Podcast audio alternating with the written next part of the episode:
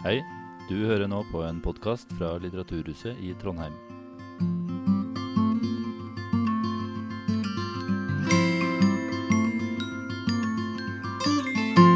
Eh, Vi er vant til å høre henne lekse opp om folkerett. Fortelle oss om hva som er innafor og hva som er utafor.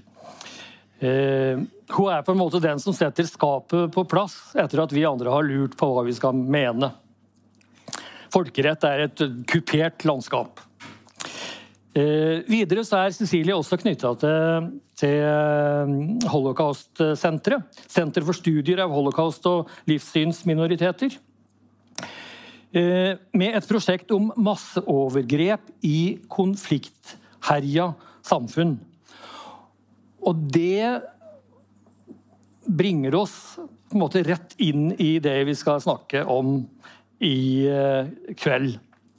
Den seneste boka til Cecilie kom i eh, våres, Spartakus forlag.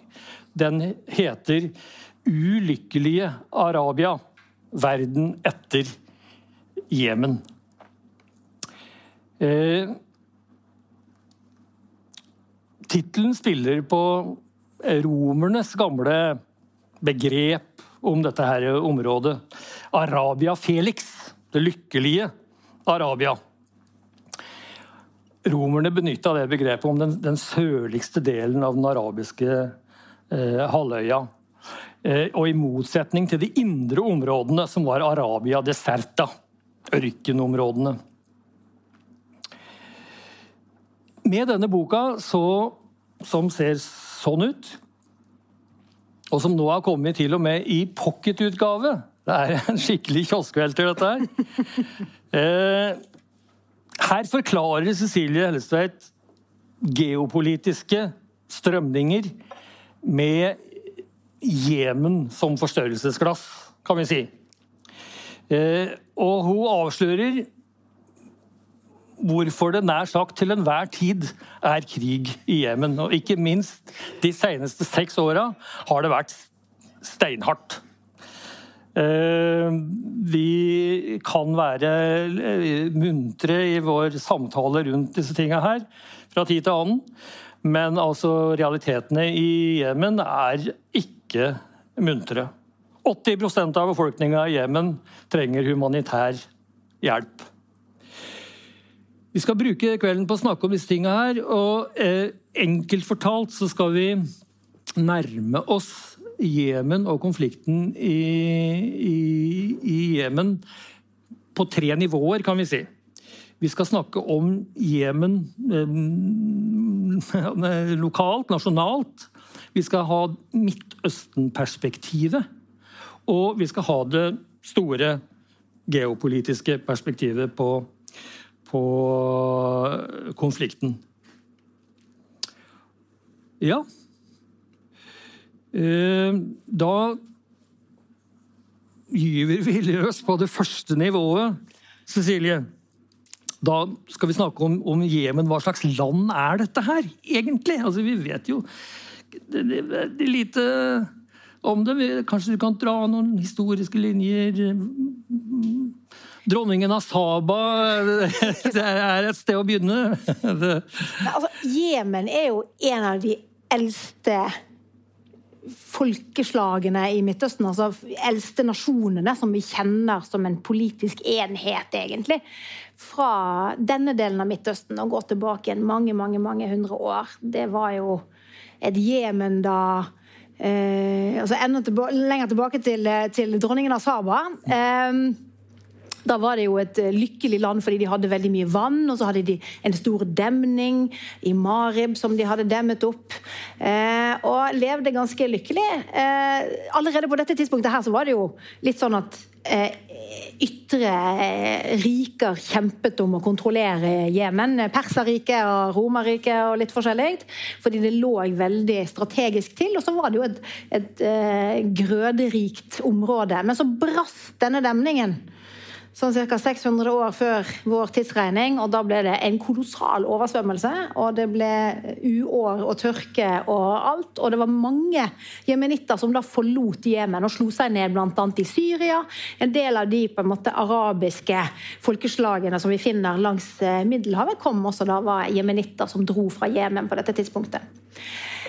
Men vi kjenner det jo særlig fra tiden eh, for så vidt rundt Mohammed, hvis vi skal gå helt eh, så langt frem til profeten Mohammed, eh, da han virket i Mekka og Medina, så var Jemen den nærmeste naboen til Mekka og Medina. Som dere ser her borte, som dere ser litt sånn disse her mørke dette er kart over Jemen, og De lyse provinsene det er da selve Jemen i dag. Og de mørke provinsene der det er det som er jemenittiske områder inne i Saudi-Arabia. Og de går nesten helt opp til Mekka og Medina. Og der bodde jemenittene. Men Cecilie, kan du si litt mer om akkurat det? Altså Jemenittiske områder inne i Saudi-Arabia, hva er det? Nei, fordi dette strakk seg jo da så langt nord. Så jemenittene var noen av de første som faktisk konverterte til islam utenfor liksom Mohammeds egne byriker. Så han eh, var veldig begeistret for jemenittene. Eh, fordi de var de første som, som, rett og slett ble muslimer utenfor hans eget eh, område. Og jemenittene har vært for så vidt eh, trofaste muslimer etter det. Eh, de delte seg i sunnimuslimer og sjiamuslimer med en gang nesten det skjedde. Mm -hmm. Så dette skillet mellom sunni-shia det har eksistert i Jemen helt siden tidenes morgen. Og det som er litt interessant, er jo at når vi ser på Midtøsten i dag Konflikten i Irak og i Syria og i Libanon og til dels også i Afghanistan og denne konflikten mellom sjiamuslimske Iran og sunnimuslimske Saudi-Arabia den er litt sånn sekterisk. Hvor man snakker om denne forskjellen mellom sunni og shia. Mm. Men i Jemen, der er det ikke sekterisk krig. Så selv om Jemen er et samfunn hvor det har vært sunni og shia gjennom alle århundrer, og hvor du har hatt veldig mye krig, Eh, selv om krigene som har vært i Jemen har vært av en annen karakter enn den fryktelige krigen som vi har i dag, den er i en egen kategori, så har liksom aldri den sunni-shia-motsetningen vært så sterk i Jemen. Og det gjør at Jemen er liksom et litt sånn land aparte. Eh, fra en del av de tingene som skjer lenger nord i den eh, arabiske verden i dag. Ja, de, de bruker jo også samme moskeer Skier og sunni. Altså, samme moské. Ja. Eh, eh, til det du sier nå også, Jeg har et lite sitat, notert meg et sitat fra, eh, i boka di. Du skriver altså spenninger mellom sjiaer og sunnier i Jemen kan i liten grad sammenlignes med sekteriske motsetninger i muslimske, muslimske land som Irak eller Afghanistan. I Sør-Arabia er det klanidentiteten som er limet i samfunnet. Den er sterk nok til å virke som et skjold mot sekterisk religionskrig. Ja, eh, og det er jo interessant, fordi i et land som Irak eller Syria, så var det jo ganske sterke sentralstyrte stater etter moderniseringen på 50- og 60-tallet. Du hadde en sentralstyrt stat av Baath-partiet, liksom sekulært parti, og man brukte mye makt for å få egentlig presset en litt mer sekulær identitet nedover disse statene. Og da forsvant disse sekteriske motsetningene bort. Så du kan si at Der har statsapparatet fungert mm. for å holde disse motsetningene unna. Mens i Jemen så har det vært en helt annen historie. For mm. der er det rett og slett klanidentiteten som aldri har blitt temmet av noen sentral makt. Så i Jemen så har jeg mener man har egentlig aldri hatt en stat i Jemen. Men klanidentiteten er så sterk at den holder liksom trusselen om religionskrig mellom sekter unna. Fordi det er viktigst, altså, rett og slett, hvilken klan du tilhører. Mm. Problemet for jemenittene er selvfølgelig også dette at i møte med moderniteten, den moderne virkelighet, både det 20. århundre eh, jordbruksreform på, fra 1960-, 70-, 80-tallet. Og alle disse tingene som har møtt Jemen i moderne tid. Når du ikke har et statsapparat som kan på en måte forvalte det, mm. fordele det mellom samfunnets eh, innbyggere og holde eksterne interessenter ute, så ender du opp med et samfunn som er så eh, eksponert som det Jemen er eh, i dag. Eh, så det er også litt sånn, fordi det er et samfunn som består av relasjoner, og ikke institusjoner. Mm. Dette er også grunnen til at jeg kaller liksom homo jemeniticus da, som den ene ekstremiteten i verden i dag, og homo scandinavicus som den andre.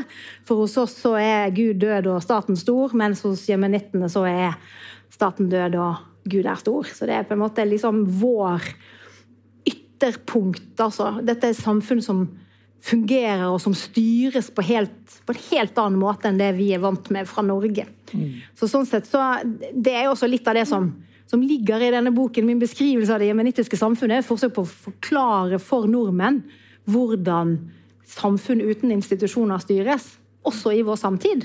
Sant? For vi vi lever så langt unna denne virkeligheten i Norge. Så det, der ligger det for meg både en sånn, et ønske om at folk skal forstå hva som skjer med et samfunn da, og så er det en liten, en liten sånn ode til statsmakten fra mitt vedkommende. Så dette skal vi, være, vi skal være glad for at vi har denne statsmakten. Og så ligger det en liten sånn advarsel. Og den skal vi kanskje ikke ta for gitt. Så det er jo et sånt, en, en, en sånn baktanke bak denne boken også, som handler om å se dette i et sånt norsk perspektiv også, på, på mange måter. Mm, mm. Eh, jeg, tror kanskje det vil være fint hvis du altså, Du beskriver Jemen som et, et klansamfunn. Eh, jeg tror vi trenger å høre mer om hva, hva, slags klaner Hva er de store maktkonstellasjonene her? Hvem er det som står mot hverandre? Hvordan fungerer dette her egentlig i praksis? Nei, altså, sånn Jemen, eh, Det jemenittiske samfunnet som, som er, består i dag av det som var Sør-Jemen og Nord-Jemen. Ja, for det er jo en annen ting her. Det er en annen ting.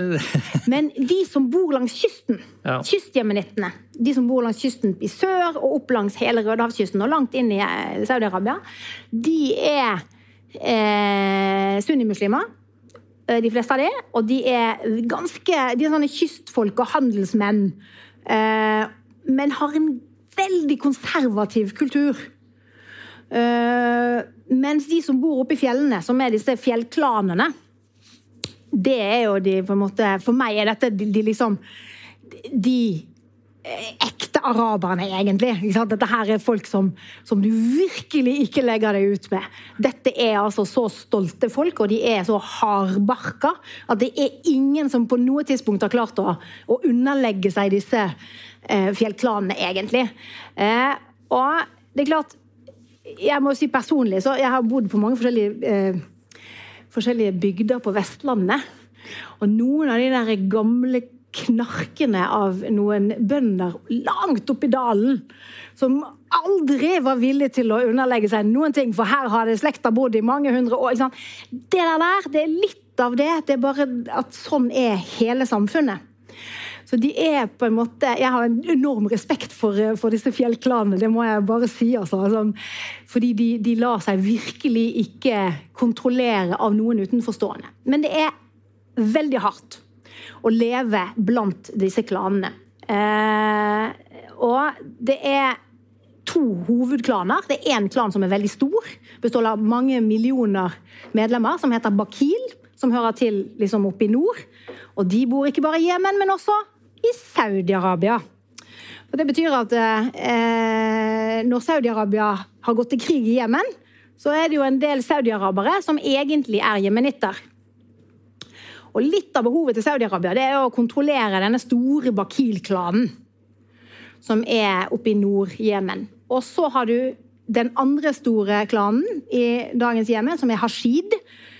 Og det var de som egentlig vant kampen om makten etter at Jemen ble republikk på 60-tallet. Da hadde du en, en krig i, Jemen.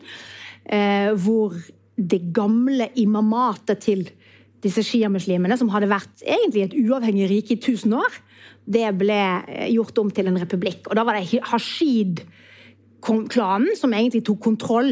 Så det er de som har vært de militære i, i, i Nord-Jemen, mm. og etter hvert også i resten av Jemen. Så det ligger en sånn en sånn eh, litt sånn farlig, latent konflikt mellom den mektigste og militære klanen, som heter Hashid, som denne president Saleh tilhørte, og denne største eh, klanen som heter Bakir, som også opererer i Saudi-Arabia. Og hvem tror dere houthiene slo seg sammen med på 2000-tallet? Jo, det var nettopp Bakil.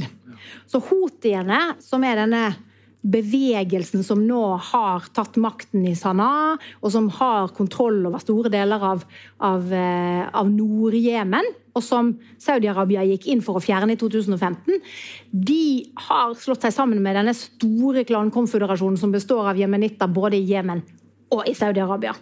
Det er altså litt av grunnen til at det, det er ikke så lett for Saudi-Arabia å slippe dette, fordi det har store innenrikspolitiske effekter. Eh, så, så, på en måte så kan du si at Saudi-Arabia kriger i Jemen for å holde det saudi-arabiske kongedømmet samlet. For de risikerer faktisk at, eh, at en del av de provinsene her, disse mørke provinsene, der er det mange som sier at Saudi-Arabia er okkupasjonsmakt. Så dette her er liksom, dette klansystemet som, som, som Jemen på en måte da består av, er vanskelig ikke bare for jemenittene, men også for omkringliggende land. Det er, det er, er vel fornavnet, egentlig. Ja. eh, altså, du snakker om konsekvenser av fravær av statsmakt. Og, og det, det, det, blir veldig komplekse samfunn av det. Eh, men i og med at det er en fravær av statsmakt, så er, har jo eh, Det er en interessant forhold eh, når det gjelder eh, domstoler og justis i Jemen. Eh, der altså dette i noen utstrekning utøves på klansnivå. Kan du si litt om det? Ja, fordi eh, siden Jemen egentlig aldri ble samlet til en sånn felles statsmakt, mm. mens denne Hashid-klanen tok egentlig over statsmakten. Og så leverer de liksom ut eh, ministerier til de eh, andre klanene som de på en måte skal binde opp til sin egen maktstruktur. Så har du ikke det som du kan kalle for en sentralstyrt stat. Og dette med rettsvesenet i Jemen Jemen er så vidt meg bekjent det eneste land i verden som aksepterer to parallelle rettssystem. Og grunnen til det var at når man prøvde liksom å få samlet dette her til et rike på, på, på 1900-tallet, så sa klanene nei, vi vil ikke være med i noe samlet statsmakt. Og så sa man i hovedstaden jo, men hvis dere hvis dere sier at dere er med, så kan dere få lov å ha det klansystemet og rettsvesenet som dere har. Dere skal få lov å leve sånn som dere alltid har gjort. Dere skal bare si at dere er med oss.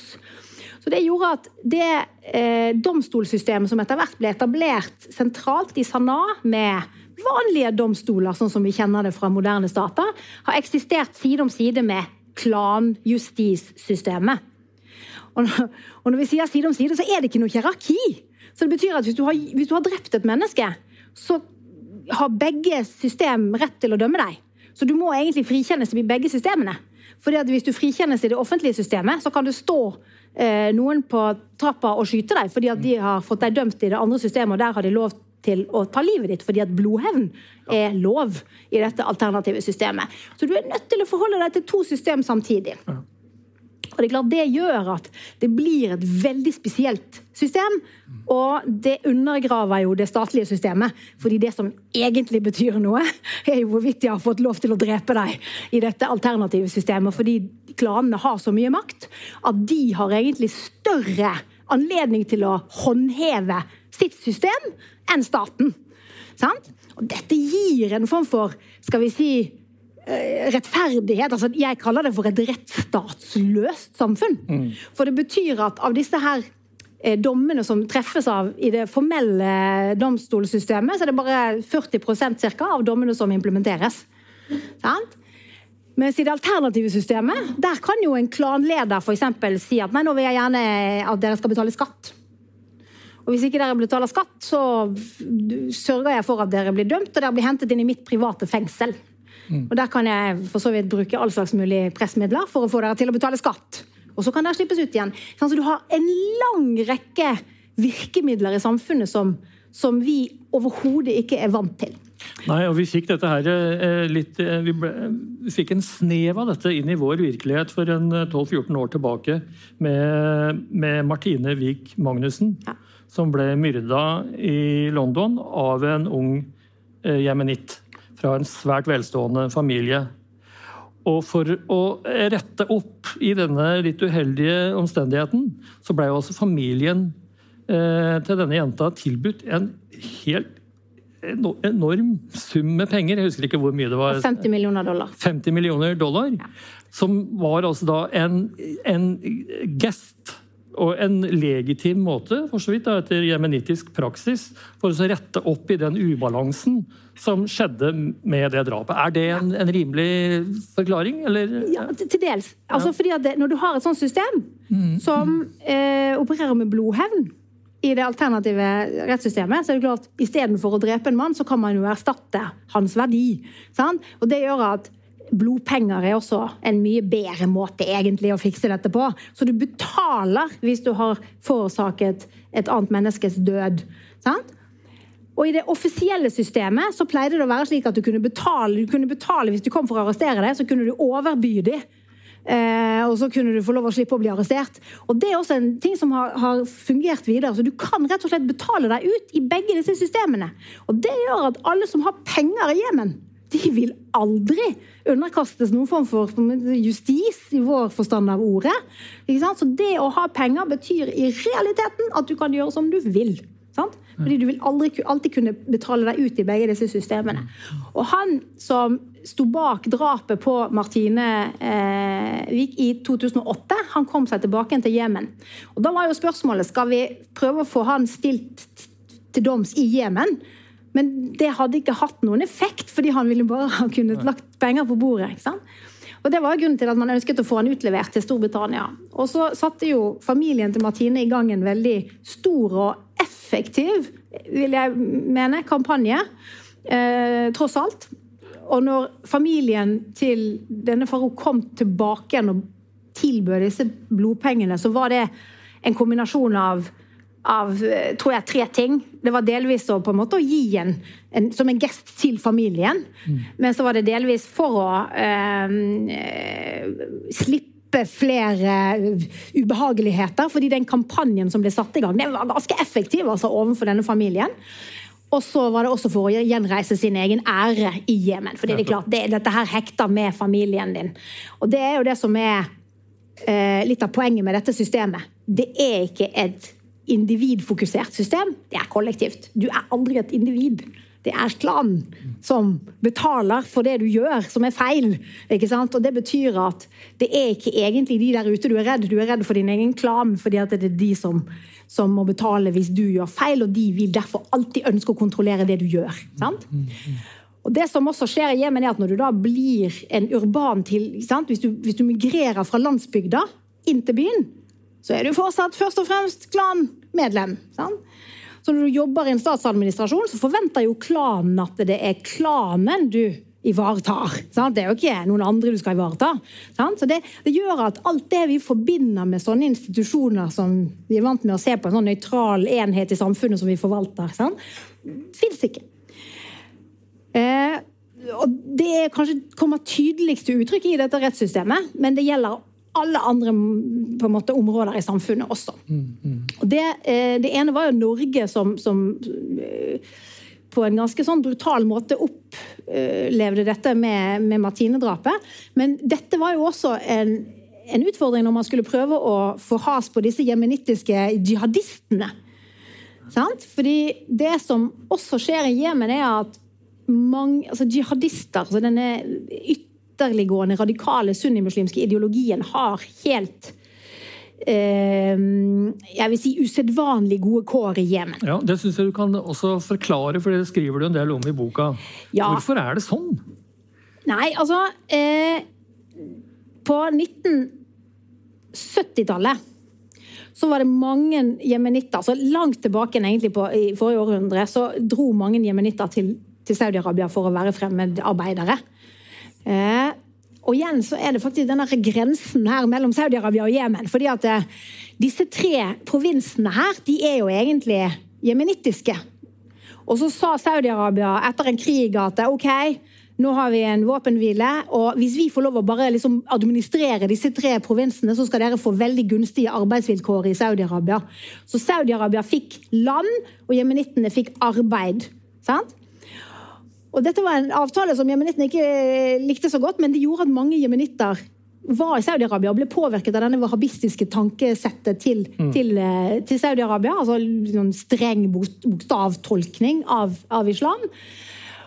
Og i Sør-Jemen der var britene frem til 1967, fordi at eh, i Aden, denne, her, denne havna i Sør-Jemen, det er en av de mest eh, strategiske havnene nesten i verden, faktisk. ja, ja. Ved innseilingen til Rødehavet, mm. som er det stedet hvor liksom, Middelhavet og Arabiske hav Atlanterhavet og Stillehavet blir knyttet sammen. Sånn, veldig strategisk punkt. Der hadde britene vært eh, i 150 år og ga ikke slipp på det før i 1967. Og Da kom marxistene og tok over i Sør-Jemen. Og Marxistene var akkurat det samme. Det var klaner som valgte å gjøre felles sak med Sovjetunionen. Mm. Og hva skjedde med de klanene som da ikke gjorde felles sak med Sovjetunionen? Jo, de ble drevet på flukt. Så de dro også til Saudi-Arabia. Og når Sovjetunionen gikk inn i Afghanistan da var det mange jemenitter som satt i Saudi-Arabia og som var fryktelig klare for å slåss mot Sovjetunionen. Men det var ikke noen krig i Jemen på det tidspunktet, så de dro til, til Afghanistan for å slåss mot Saudi-Arabia. Nei, mot, unnskyld, mot Sovjetunionen, fordi at Sovjetunionen var til stede i Jemen som en sånn eh, stormakt som hadde kontroll. Så Det gjorde at det som til slutt ble Al Qaida, som saudiarabiske bin Laden, som for så vidt også kom fra Sør-Jemen, eller familien hans, de var i Afghanistan. Veldig mange av de som tilhørte Al Qaida i Afghanistan på slutten av 80-tallet, var jemenitter. Og veldig mange av de kom fra nettopp enten fra Sør-Jemen eller fra de der provinsene inne i Saudi-Arabia. Så når de kom tilbake igjen da, til Jemen etter 1990, så var det masse jihadister. Og nå begynner det å bli interessant. fordi at eh, Det som skjedde i 1990, det var det at eh, da klarte han, eh, presidenten i Sanna, å samle Sør- og Nord-Jemen. Og det var bl.a. Saddam Hussein som hjalp han med det. Fordi han hadde lyst til å stenge Saudi-Arabia inne i Gulfen. Så, tre måneder før den berømte invasjonen til Saddam Hussein i Kuwait, så sørget Saddam Hussein for at Nord- og Sør-Jemen ble forent. Og dette var en, en del av den, det oppgjøret som Saddam Hussein hadde og nå, Jeg vet ikke hvor mye dere husker av denne Iran-Irak-krigen. Den lengste mellomstatlige krigen i, siden napoleonskrigene. Som Irak gikk til angrep på Iran egentlig, med saudiarabiske penger. Det var egentlig en krig som, som Irak kjørte for Saudi-Arabia. Og når Saddam Hussein var ferdig med den krigen, så ville Saddam Hussein ha på en måte sitt krigsbytte. Og gikk sør for å ta Kuwait. Eh, og truet med å ta Saudi-Arabia, gå inn i Saudi-Arabia og okkupere Saudi-Arabia. Og vi husker jo hva som skjedde da. ikke sant? Da gikk jo hele verden, eller Amerikanerne gikk tungt inn i Gulfen, og vi var med. Og drev Saddam Hussein ut av Kuwait. Men den Jemen-delen hører egentlig med til historien. Fordi Saddam Hussein og amerikanerne hadde samarbeidet om at Jemen ikke skulle deles. Altså at det skulle bli ett, ett uh, land. Og hvis dere ser her, sant? hva er det som skjer hvis du har uh, ett Jemen? Jo, da er Saudi-Arabia stengt inne i Gulfen. Altså, da må de forbi Hormuzstredet, hvor Iran sitter. Og på andre siden må de forbi Bab el-Mendib, utgangen fra Rødehavet, hvor Jemen er. Så gjennom hele den moderne historien, og særlig etter Iran-Irak-krigen, så ønsket Saudi-Arabia å få tilgang direkte til den arabiske sjøen, sånn at de kunne frakte oljen sin ut der og ikke var avhengig av verken jemenitter eller Iran. Og Det prøvde de å gjøre på 80-tallet. Og Så kom både Saddam Hussein og amerikanerne og hjalp jemenittene med å samle landet sitt, sånn at Saudi-Arabia ble stengt inne. Ok, Hva skjedde nå? Jo, denne grensen oppe i nord med disse her provinsene vet du, det var også litt uavklart. For det var heller ikke saudi-arabisk territorium. Og nå sa Jemen ha, nå har vi blitt samlet. Nå vil vi forhandle om grensen til Saudi-Arabia. Vi vil ha mye mer av Saudi-Arabia. Sant? Det var ikke greit. Så det Saudi-Arabia gjorde da, var å si OK, vi går fra denne avtalen. Vi kaster ut alle jemenitter. 800 000 jemenitter blir sagt opp i morgen, må dra hjem. Dra hjem! Sant? 800 000 jemenitter som da var menn, som hadde da familier osv. Det var kanskje sånn åtte-ti mennesker som levde av lønna til hver av disse 800 000. Sant? Ble kastet ut av Saudi-Arabia. Og så sa Saudi-Arabia men nå har vi fått hjelp av amerikanerne, for de står tungt militært hos oss, så vi beholder disse provinsene, vi. Disse tre provinsene. Den får ikke de. Så nå kan vi begynne å forhandle. Ok, greit. Så Jemen, denne nye, helt nye, ganske fattige eh, republikken, fikk over natten en arbeidsledighet på 25% Masse menn som kom tilbake igjen. Og de hadde jo bodd i Saudi-Arabia, så de hadde også blitt påvirket av wahhabismen. Og det var en del av de som var blitt ganske radikale. Så da hadde du liksom en masse Al Qaida-folk som var kommet tilbake til Jemen fra Afghanistan. Hadde slåss mot uh, Sovjetunionen. Og så hadde du masse jemenitter som hadde blitt påvirket av radikal saudi-arabisk tolkning av islam, som kom tilbake. Og den grensen der ble forhandlet gjennom hele 90-tallet. Og sommeren 2000, og 2000 presset Bill Clinton igjennom at nå skulle Saudi-Arabia få suverenitet over dette territoriet. 14 måneder senere fløy det fire fly inn i World Trade Center, Pentagon, og det, siste flyet var trolig på vei til eh, eh, Capitol Hill. Hvor kom ti av de 19 flykabrerne fra? Jo, fra disse jemenittiske provinsene.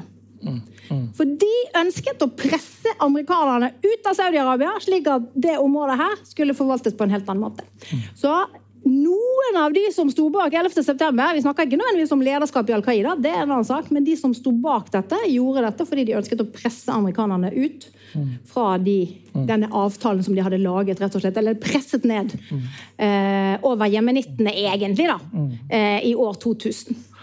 Da er vi allerede ute i den tredje ringen.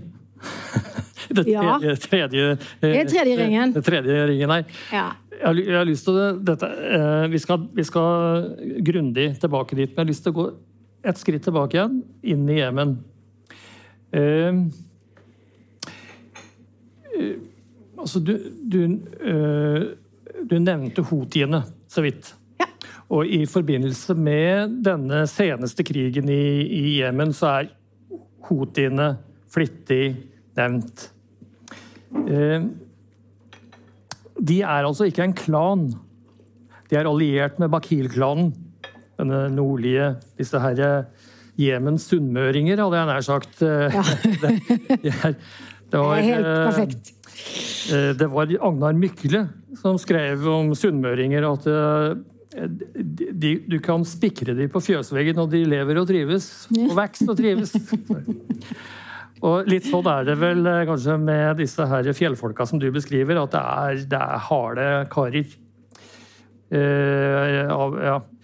Uh, men hva er hotiene hvis de ikke er en klan? Og hva, hvilken rolle spiller de i denne krigen? Hvorfor er det dem Saudi-Arabia fører krig mot? Kan du forklare dette her?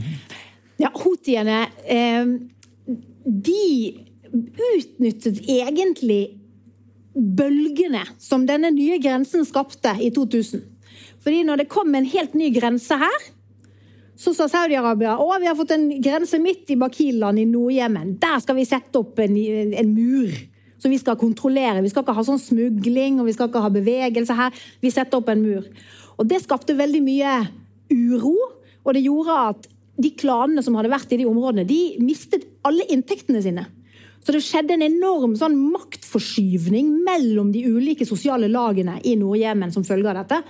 Og det var noe som Houthi-slekten utnyttet. Det var en parlamentariker som da satt i det jemenittiske parlamentet. Som kommer fra en slekt som egentlig er etterkommere etter eh, profeten Mohammed.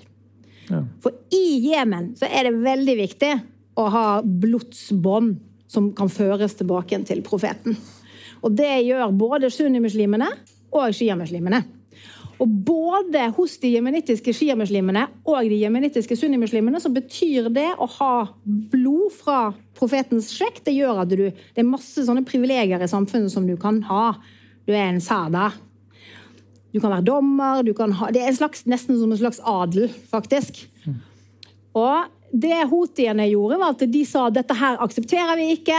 Nå må vi få en ny ordning i Sanaa. Fordi den som hadde inngått denne avtalen med Saudi-Arabia, det var jo Saleh. Hashidene.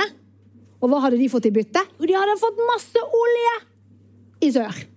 Så de fikk plutselig tilgang på en oljebrønn, og så hadde de solgt ut alle nordjemenittene sine rettigheter til Saudi-Arabia.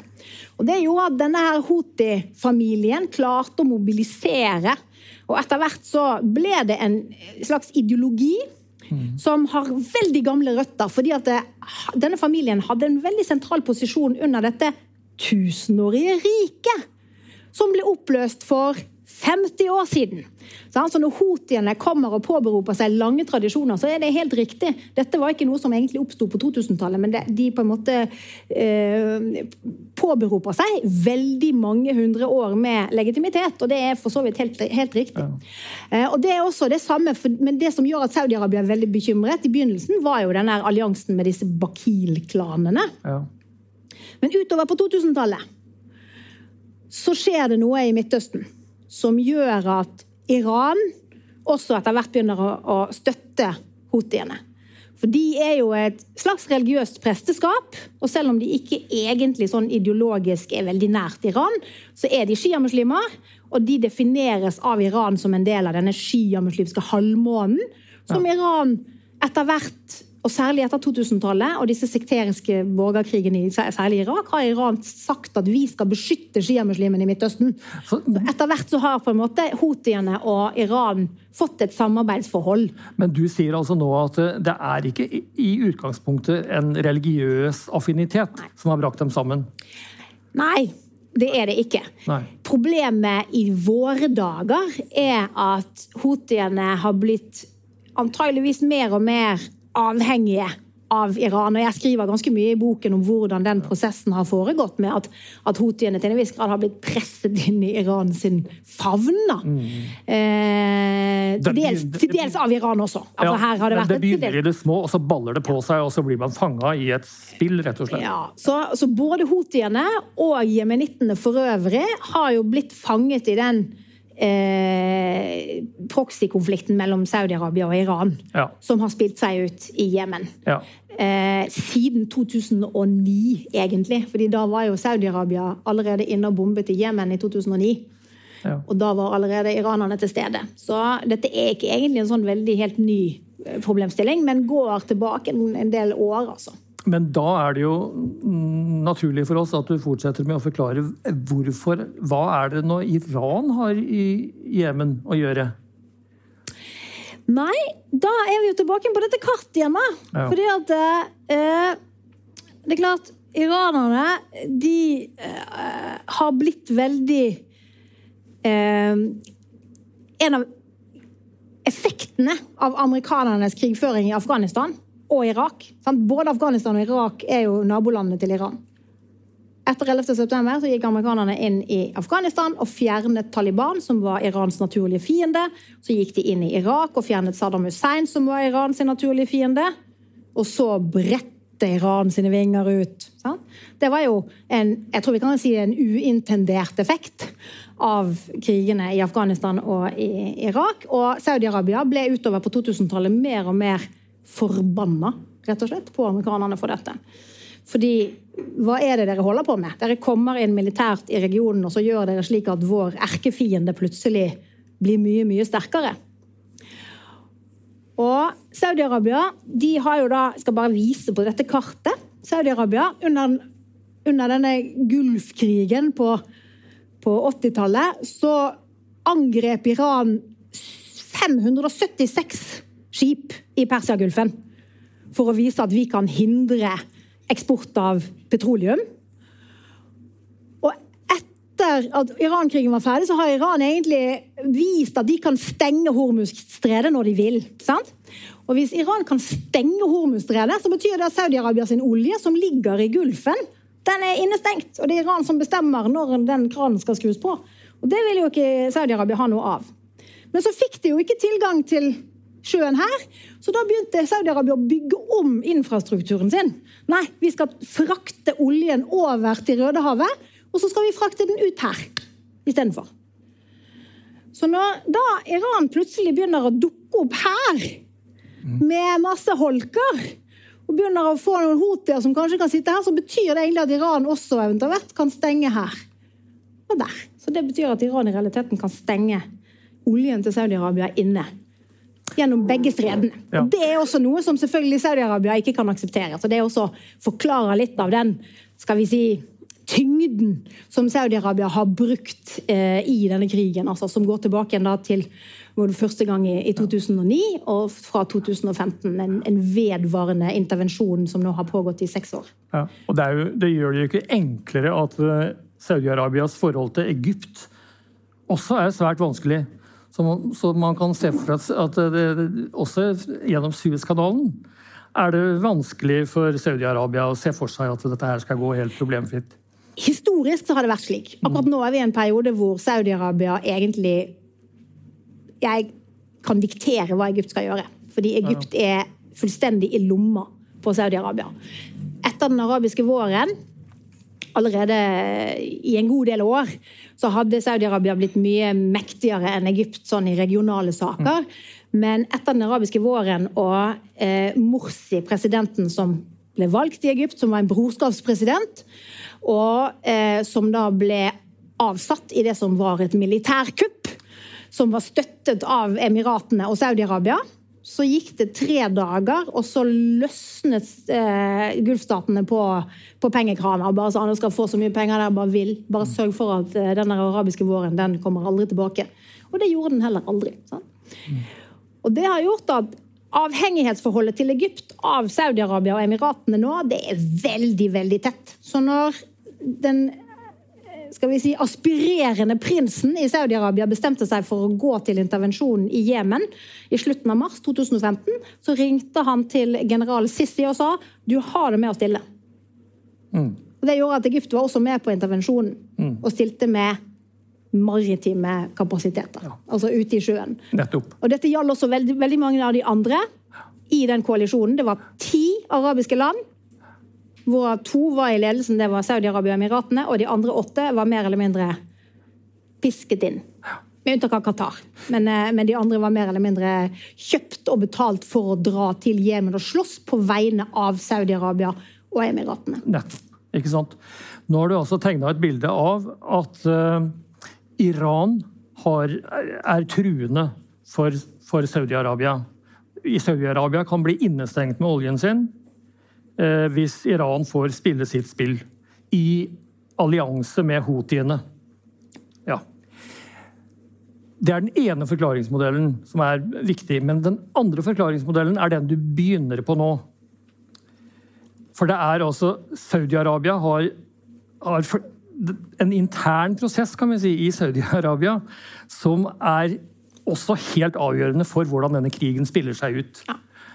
Eh, og det handler i, i, hovedrollen der så har vi en mann som heter Mohammed bin Salman. MBS. Fortell! Nei, Mohammed bin, Det er jo han som er bildet av på fremsiden av boken. Ja, det er ingen tilfeldighet. Mannen som, som skal modernisere Saudi-Arabia.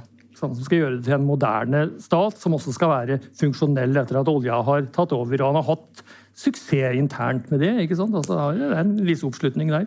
Ja.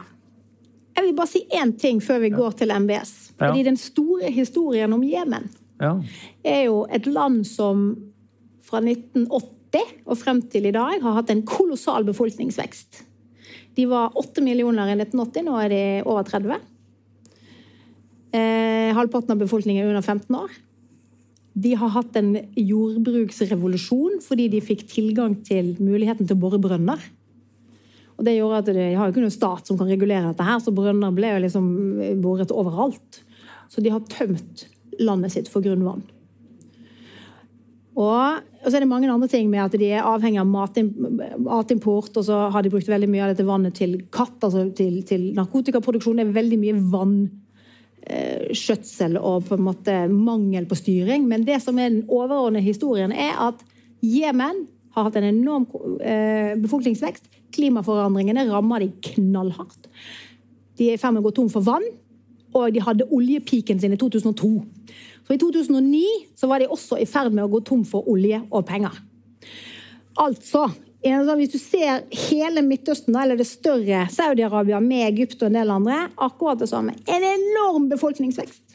Det gjelder for hele Midtøsten-regionen. Jeg vet ikke om dere husker når amerikanerne gikk inn i Irak i 2003. Da var det 23 millioner i Irak. Nå er det snart 40 millioner. Sant? Og dette her er jo da områder hvor det blir varmere og varmere, tørrere og tørrere, mindre og mindre ting å dyrke, og mer og mer folk. Så det er jo den, den, den store historien om lille Jemen, som også Saudi-Arabia ser.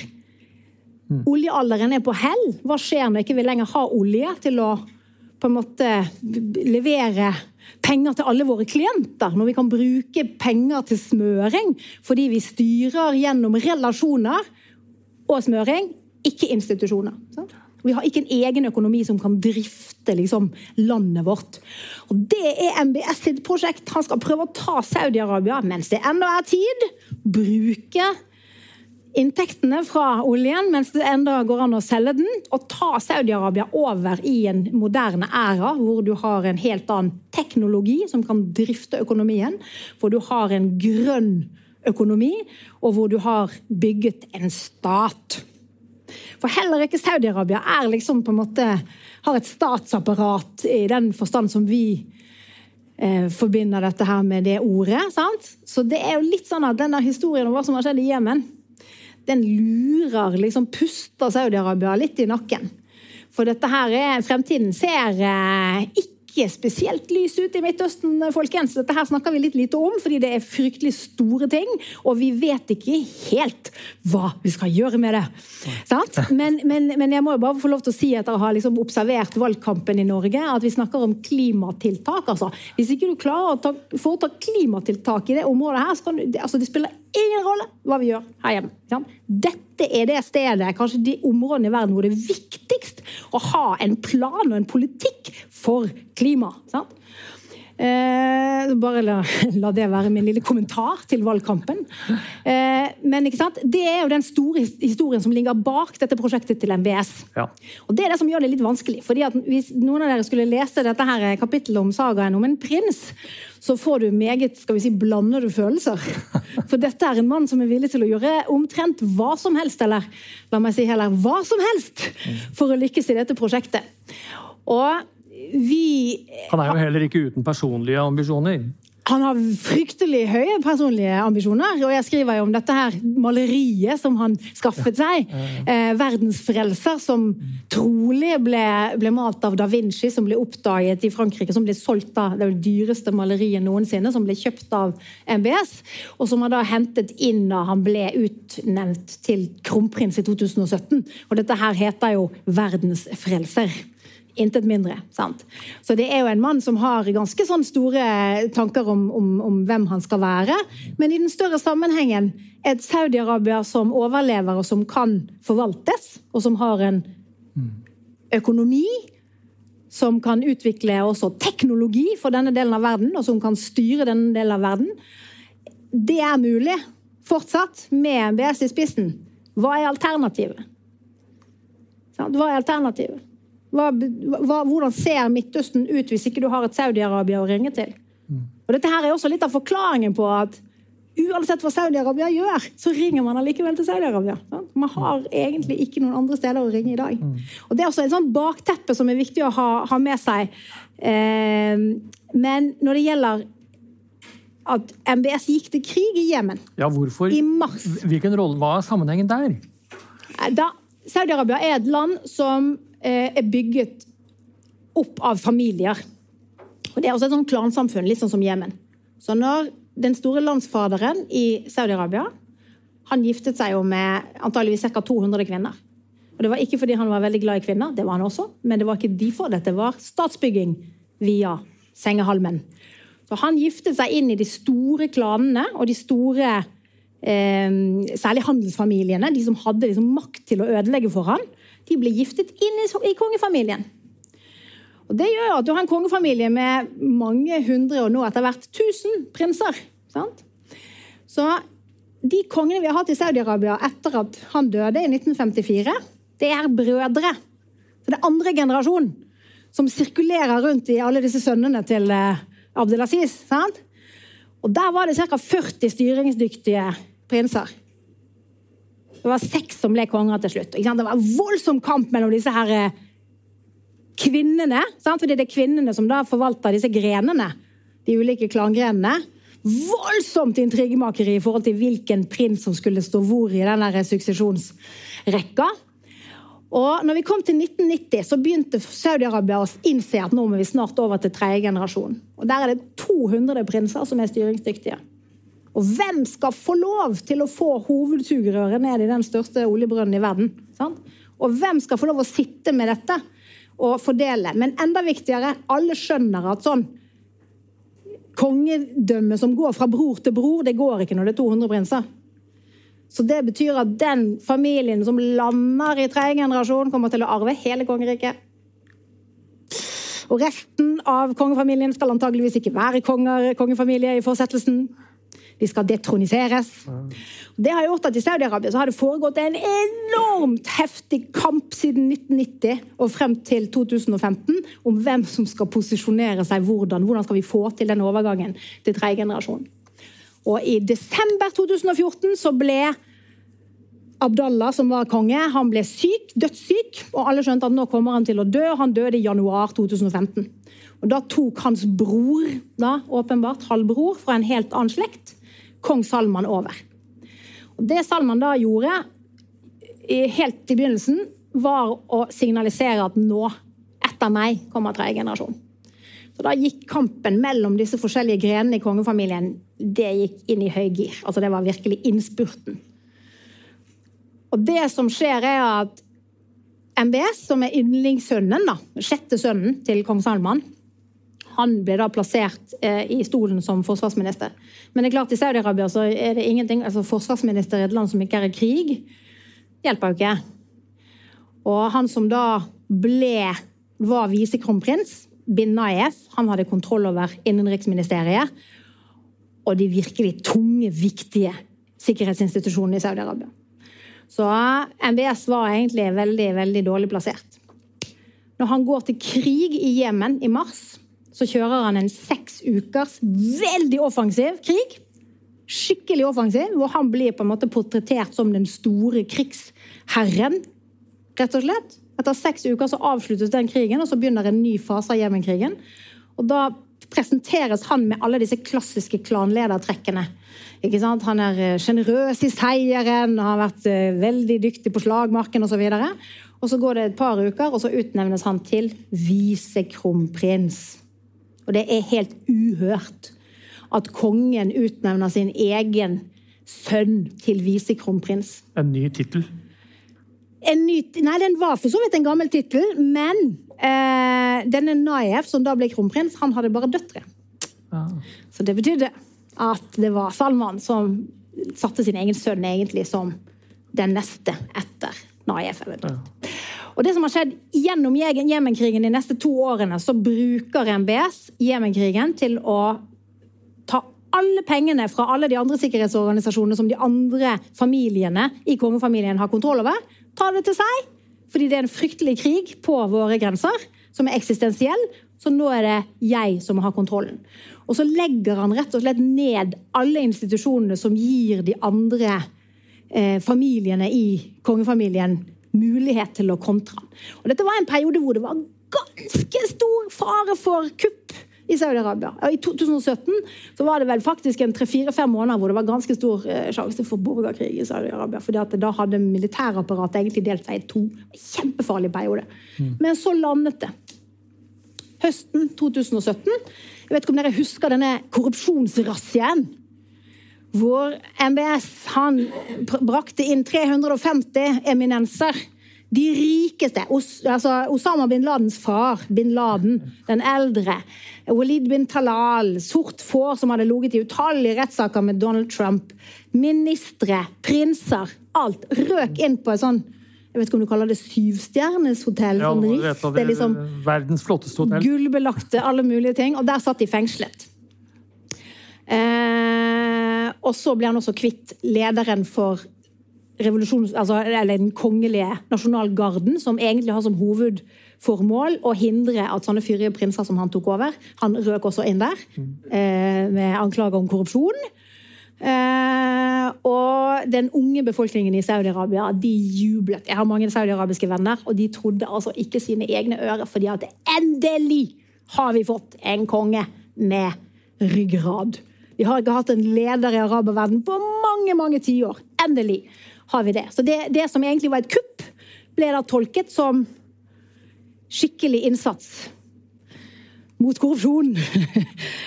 Men det er også den der måten MBS spiller på. Han er en ekstremt eh, dyktig taktiker. Ja, altså, det, der, det, var, det, der var jo en helt ekstrem situasjon. Altså at han, han klarer faktisk da å fengsle hele altså, apparatskikk ja. i Saudi-Arabia. Og anklager de for korrupsjon, holder de ukevis.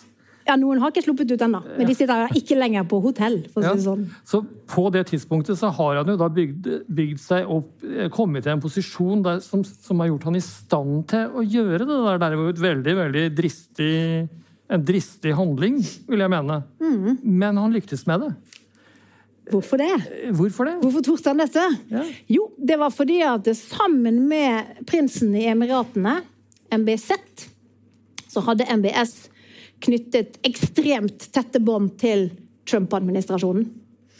Fordi eh, Da Jemen-krigen startet i 2015, så ønsket jo MBS å bli kronprins. Og de spurte Obama-administrasjonen om de ville støtte, og Obama-administrasjonen sa nei, vi skal ikke være på noen side her. Mens da Trump kom inn, så da han ble valgt det, det, det, er jo, det, er jo, ting som jeg skriver også. Det er jo rykter om at eh, begge Gulfstatene hadde veldig mye investeringer og, og jobbet inn i disse superpackene i det amerikanske valget, og kanskje bidro til at Trump hadde enda mye mer penger i sin kampanje enn det han ellers ville hatt. Mm. Eh, og det er også en link via Gulfstatene til denne russiske kontakten. Så alt dette som ligger i Møller-rapporten og sånn, har en sånn link til Gulfstatene. Så, men det kan vi jo for så vidt bare la ligge. Så var Trumps første utenlandsbesøk, var ikke det? Jo, det, det kan vi, det, det, absolutt. Det, det som skjer da, er at i det øyeblikket Trump er valgt, så reiser altså eh, utsendinger herifra til eh, Det hvite hus for å møte Trump-familien, og særlig da eh, Ivanka og eh, Jared Kushner, som var da svigersønnen, som fikk ansvaret for Midtøsten-politikken til Trump. Og Der ble det etablert ganske gunstige forbindelser veldig tidlig. God kjemi. God kjemi. Godt støttet opp av andre ting, tror jeg vi kan si. Og så velger altså Trump å legge sitt første statsmøte til Riyadh. Og ikke bare til Riyadh, men til, til, til et, et, møte hvor en visekronprins er vert. Han er ikke engang kronprins, han er ikke engang statsoverhode. Han er aspirerende visekronprins. Og det MBS da gjør i, liksom i bytte mot dette, er at han samler rett og slett et islamsk toppmøte hvor han pisker inn 36 statsledere fra muslimske land. Og dette her på et tidspunkt hvor jeg husker dere den der eh, The Muslim Ban, som Trump introduserte ganske tidlig. Får ikke visum til USA hvis du kommer fra disse muslimske landene. Så han hadde ganske mye sånn motstand i en del kretser. Mens nå reiste han til Riyadh og ble bejublet som en keiser av statsledere for 36 land. Så ingen kunne på en måte si at han ikke var likt i den muslimske verden. Og så I tillegg så ble det jo en eh, våpenmesse. Så Trump tok med seg hjem den største enkeltvåpenhandelen egentlig i USAs historie. Eh, som var intensjonsavtaler, mer enn noe annet. Eh, og etter dette så gikk det én måned, og så sa MBS nå kan kronprinsen gå. Så da tok rett og slett eh, MBS og tok over tittelen som kronprins en måned etterpå. Og da hadde han eh, Trump-administrasjonens støtte i ryggen, og da var det på en måte ingen som kunne, kunne røre han lenger. Men relasjonen mellom MBS og amerikanerne, den er ikke så enkel. Fordi jeg vet ikke om dere husker eh, drapet på Khashoggi, denne saudiarabiske journalisten. Han var veldig kritisk til MBS. Så etter at Trump ble valgt, så var jo Khashoggi veldig kritisk til Trump også. Og Da fikk han totalforbud mot å jobbe som journalist i Saudi-Arabia. og Etter det så ble han da skribent for Washington Post og The Guardian. Og satt egentlig og skrev veldig mye bra, eh, men veldig mye kritisk om MBS. Og i 2018, som jo var ett etter at eh, MBS hadde fått kontroll. Han hadde fått kontroll over, han hadde blitt kronprins. Han hadde avtale med Trump-administrasjonen. Han hadde fått kontroll over alle disse sikkerhetsapparatene sine. Men det var én ting han ikke hadde kontroll med. Og det var utenlandsetterretningen. Fordi den hadde liksom ikke noe særlig med Jemen å gjøre. Eller den arabiske halvøy. Men resten av verden. Og det var jo denne utenlandsetterretningen da, som spaserte, eller som var på dette konsulatet i Tyrkia da Khashoggi kom for å be om å få på en måte avsluttet et ekteskap, for han skulle gifte seg med sin tyrkiske forlovede. Og så ble han jo da partert av saudi-arabisk utenlandsetterretning for åpen mikrofon. For tyrkerne hadde selvfølgelig avlyttet dette, det visste jo alle egentlig. Så dette her kunne man på en måte høre på. ikke sant? Og hva skjer da? Jo, på dette tidspunktet her så har altså Da er det ganske mye sånn motstand mellom CIA, som hele tiden hadde satset på denne andre kronprinsen Naef, som har blitt puttet i fengsel. Og de som støttet Naif i Saudi-Arabia, de kunne liksom konspirere da, sammen med disse eh, kreftene. Så det var antageligvis eh, noe som MBS gjorde for å få kontroll med utenlandsetterretningen. fordi at når, når denne parteringen eh, var over, så sa jo MBS at jeg hadde ingenting med det å gjøre. Så sier CIA jo, det var du som sto bak. Så sier Trump nei, jeg tror ikke på CIA, jeg tror på denne kronprinsen fra Saudi-Arabia. Så han fikk på en måte Trumps støtte mot Trumps egen etterretningsorganisasjon. Og så sier da MBS men jeg skal sørge for å reformere hele utenlandsetterretningen. Og så kastet han ut alle CIA sine folk, alle Naev sine folk. Og så satt han med full kontroll over utenlandsetterretningen. Det er eventyrlig. Eventyrlig. Og i tillegg, tre uker før dette skjedde, så hadde amerikanske Kongressen vedtatt en lov som het eh, The Magnitsky Act som de innførte etter at Magnitsky ble torturert til døde av russiske eh, ja, av russiske myndigheter i 2009, tror jeg det var, som retter seg mot mennesker som er ansvarlige for grove menneskerettighetsbrudd, som amerikanerne har gitt sine egne domstoler rett til å gå etter. Og Det gjaldt først og fremst russere. Men i begynnelsen av oktober 2018 så utvidet eh, amerikanerne dette til å gjelde for hele verden. Så alle trodde jo at amerikanerne kom til å gå etter MBS. Fordi de hadde nå anledning til det. Mm. Men det gjorde de ikke.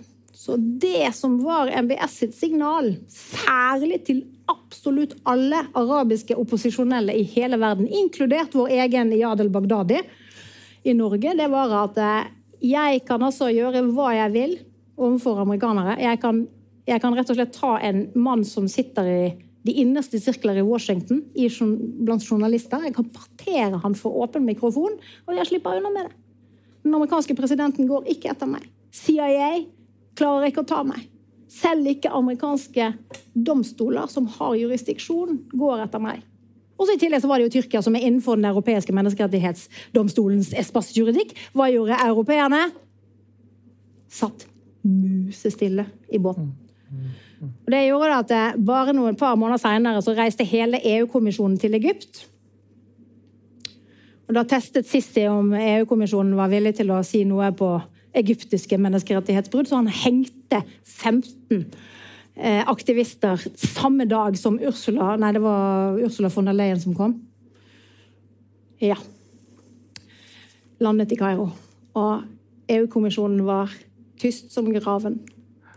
Så dette her er også en sånn del av et større spill hvor våre naboer i sør markerer seg veldig tydelig i forhold til at det ikke kom her og snakk om hva slags virkemidler vi har anledning til å bruke. Dette er ganske nedslående. Dette er ganske mørkt. Dette er, dette, dette er mørkt. Men dette er uh, ulykkelige Arabia, altså. Ja, ja, det er det. det er en, vi, skal, vi, skal, gi oss snart, for vi har holdt på en time. Jeg skjønner ikke hvor det blir av tida. Uh, men uh, det er en annen episode som bygger opp under det samme som du snakker om nå. Jeg vet ikke det, det, om dere husker, men altså den, den libanesiske statsministeren, eh, Saad Hariri, ble på et tidspunkt Det var vel tilbake i 2017 eller 2018? Det var akkurat samme dag som denne korrupsjonsrazziaen var. Ja, det var det, ja. Samme dag som kuppet. Ja, Han ble altså rett og slett eh, eh sittende i Saudi-Arabia og sa at han gikk av som Plutselig så gikk han av som statsminister i Libanon, og han var åpenbart eh, fange. Han var på besøk og ble fanga av eh, saudiske myndigheter. Kan du fortelle? Ja, han var beordret til Saudi-Arabia, tror jeg. Ja, si. ja. Han er også saudi-arabisk statsborger. Han er både libanesisk og saudiarabisk statsborger, så da kan du bare komme hit. Vi bestemmer at du skal si fra deg den eh, statsministerposten. Dette var en del av, var en del av måte, det spillet for å holde alle i ro fra MBS sin side. Men Libanon er jo i den ulykksalige situasjonen at de i veldig mange år har vært en sånn postkasse mellom Saudi-Arabia og Iran. Ja. Og det var nok en del av dette her også. Og jeg vil jo, før vi avslutter, så vil jeg gjerne ta dette her opp et hakk til, fordi vi har, ikke, vi har liksom forlatt Jemen litt, men jeg vil gjerne ha det tilbake til Jemen. Fordi i 2017, da denne store razziaen hadde på en måte blitt avsluttet, da var MBS blitt egentlig praksiskonge. Det var bare en formalitet liksom, å fjerne at, at Salman skulle overlate makten formelt til han. Og da ønsket MBS å legge konflikten i Jemen i bero. Han ønsket å avslutte konflikten i Jemen. Så han snakket da med Saleh. Han var i kontakt med houthiene sin side, med Bakil.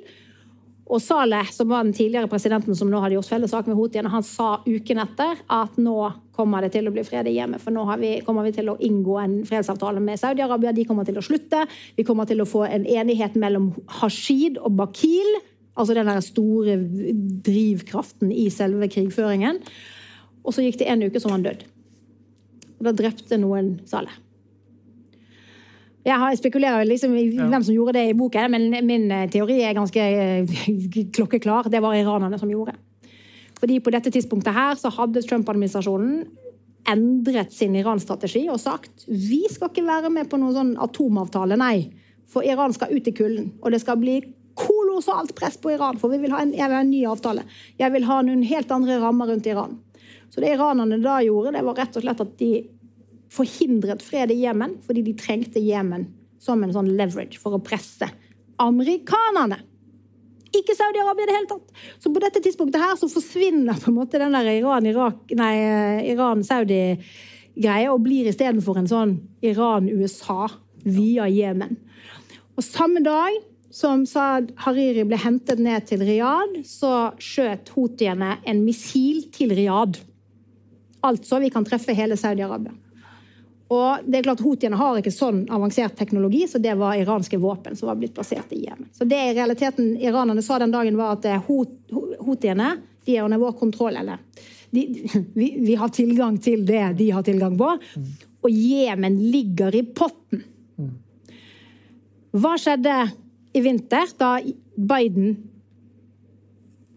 var valgt? Da sa han Jemen-krigen er så forferdelig at den må vi legge i bero. Vi skal få en reforhandlet avtale med Iran. Vi skal gå inn igjen i forhandlinger med Iran. Iran skal inn igjen i varmen. Jemen skal vi få lagt i bero. Hva skjedde da?